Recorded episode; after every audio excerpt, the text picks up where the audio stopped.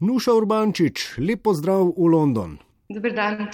Nuša je okoljevarstvenica, ki se s področjem ukvarja na ravni globalnih ekoloških problemov ter uh, usmerjanjem oziroma preusmerjanjem politično-ekonomskih tokov v trajnostni razvoj. S katero problematiko konkretno se ukvarjajo in na kakšne načine vse to počnejo pri fundaciji Changing Markets, kjer dela, bomo razložili, ampak lepo po vrsti za začetek nam lahko poveste kaj o začetkih svojega ekoposlanstva, kar nekako nekako sovpada tudi z vašo emigracijo v tujino. Ne? Eh, pri nekih mednarodnih nevladnih organizacijah ste začeli pri Greenpeaceu, pod vas je vodila torej iz Ljubljane v Belgijo najprej. Ja, v bistvu takoj po študiju. Študirala sem mednarodne odnose. Med študijem sem za eno leto šla v Francijo na Erasmus v Bordeaux in mislim, da me je to res spremenilo življenjsko pot. Naučila sem se francosko, pa tudi dobila en tak interes za delo v tujini.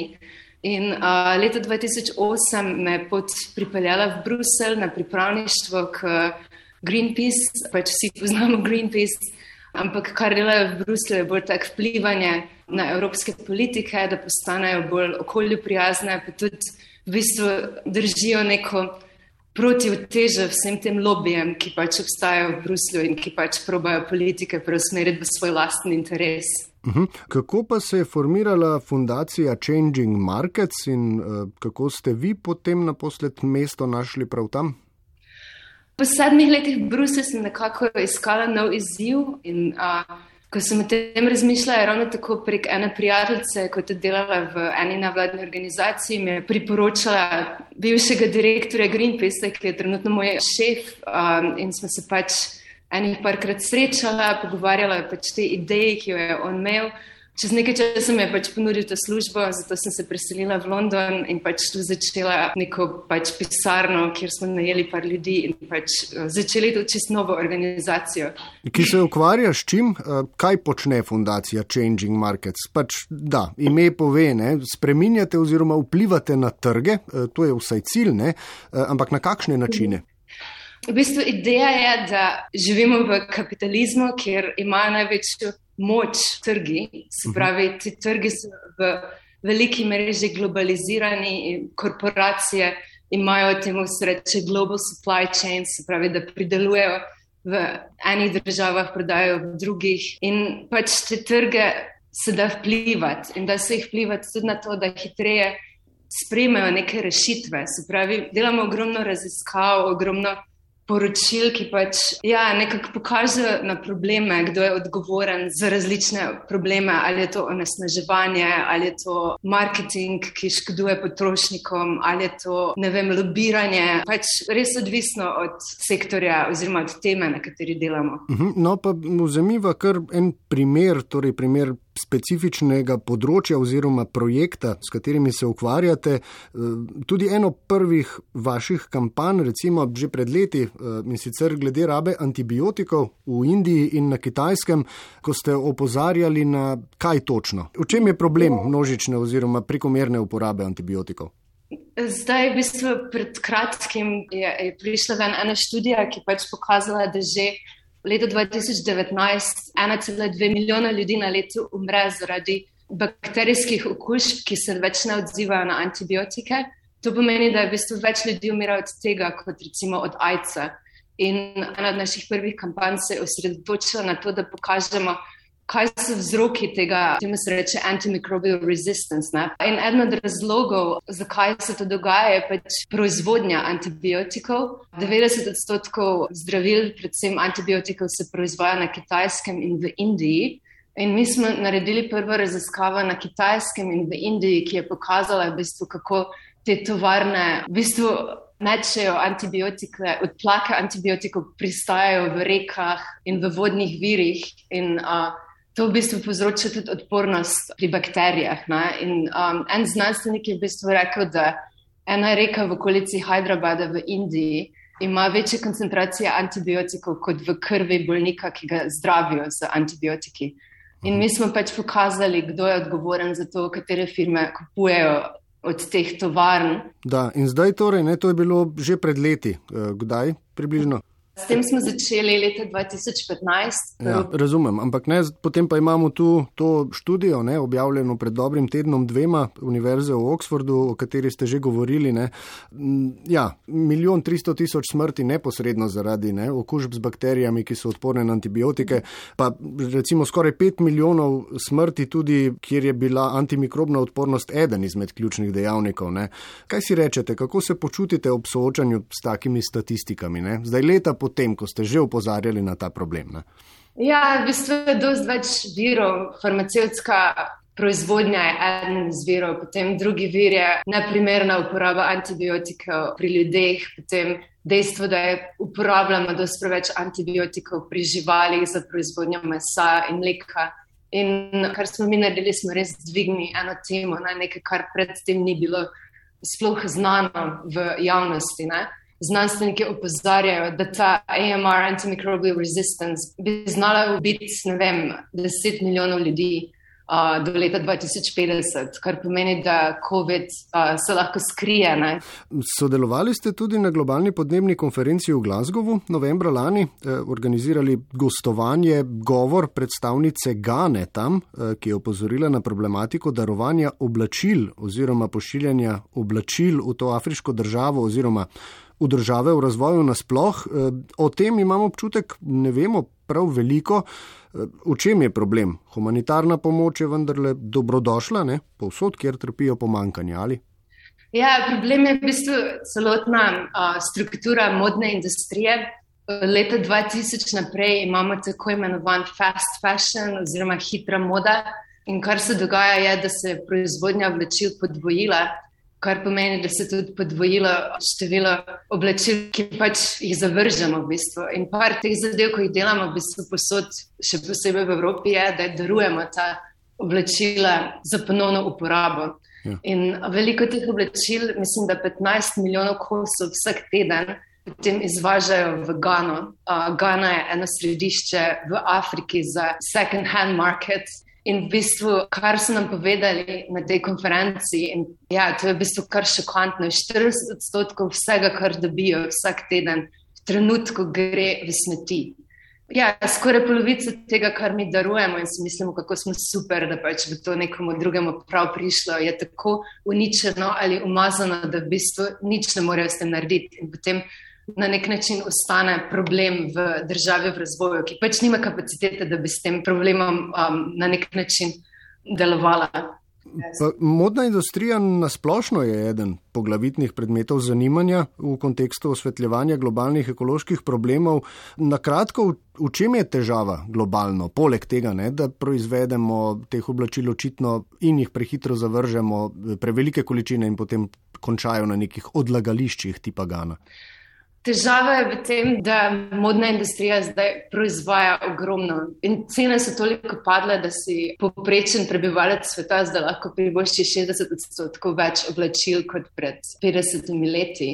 Problem je tudi v tem, da se ta oblačila večinoma pridelana iz sintetike. Uh -huh. A sintetika je v bistvu plastična vlakna, ki pač pridejo. Večina ljudi tega ne ve, ampak osnovna surovina za to sta nafta in plin, se pravi fosilna goriva.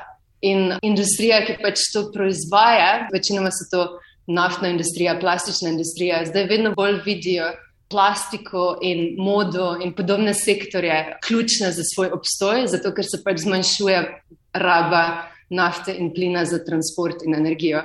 Uhum. In kar se potem dogaja, je v bistvu to, da ta sintetična vlakna so zelo poceni, poliester uh, stane polovico manj kot bombaž, recimo.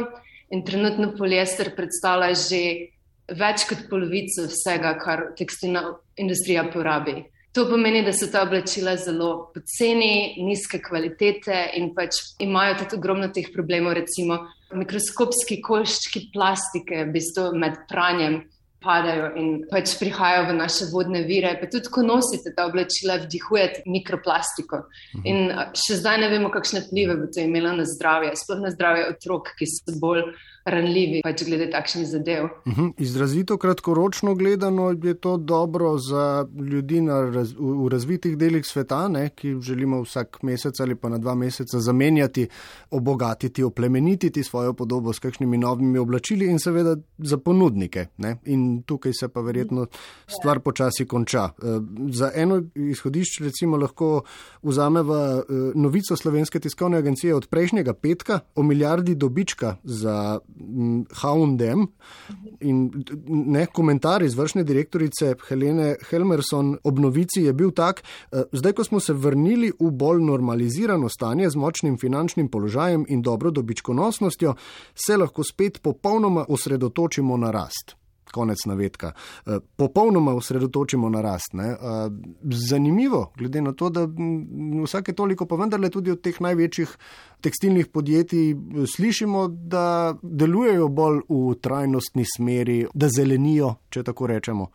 Ja, v bistvu te modne firme so, lahko bi temu rekli, masters of greenwashing, kar pomeni, da vedno znajo prikazati, kako zelo dobre stvari delajo za okolje, recimo, kar smo videli, da uporabljajo reciklirane plastenke, zato da proizvajajo oblačila. Pozabijo pa nam povedati to, da bi te plastenke bi lahko reciklirali nazaj v plastenke in res ne rabimo pač tega vira v modni industriji. In Hajnem je zelo zanimiv primer, mi smo večkrat se pogovarjali z njimi, um, tudi večkrat smo jih že analizirali.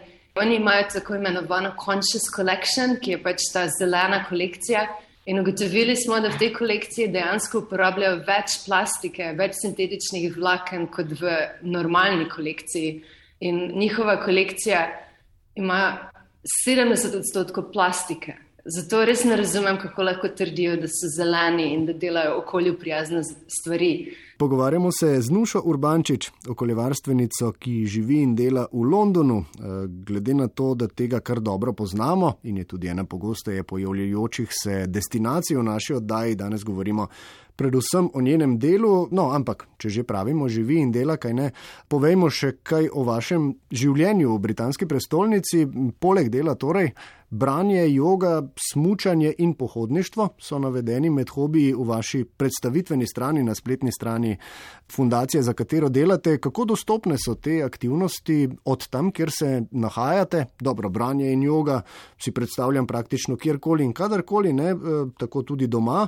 Kam pa se lahko recimo odpravite na izlet ali pa na smučanje? Ja, smučanje je bolj težko, tako da zato pridem reči Slovenijo, ampak London je tako multinacionalno mesto, kjer dejansko imaš dostop do vsega.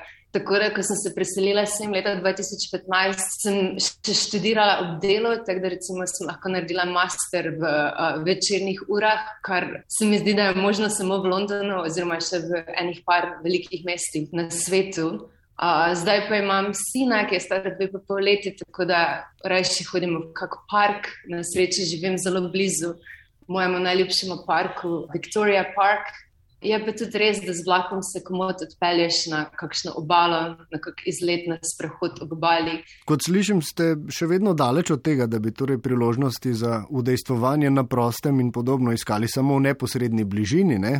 Zdaj že pred časom sicer ste se odpravili na šestmesečno potovanje po Južni Ameriki, pa to je bilo za piljenje znanja španščine, ki jo govorite, poleg slovenščine, angleščine in francoščine, mimo grede, ali za širjenje obzorij nasploh, ali za oddih, pobeg?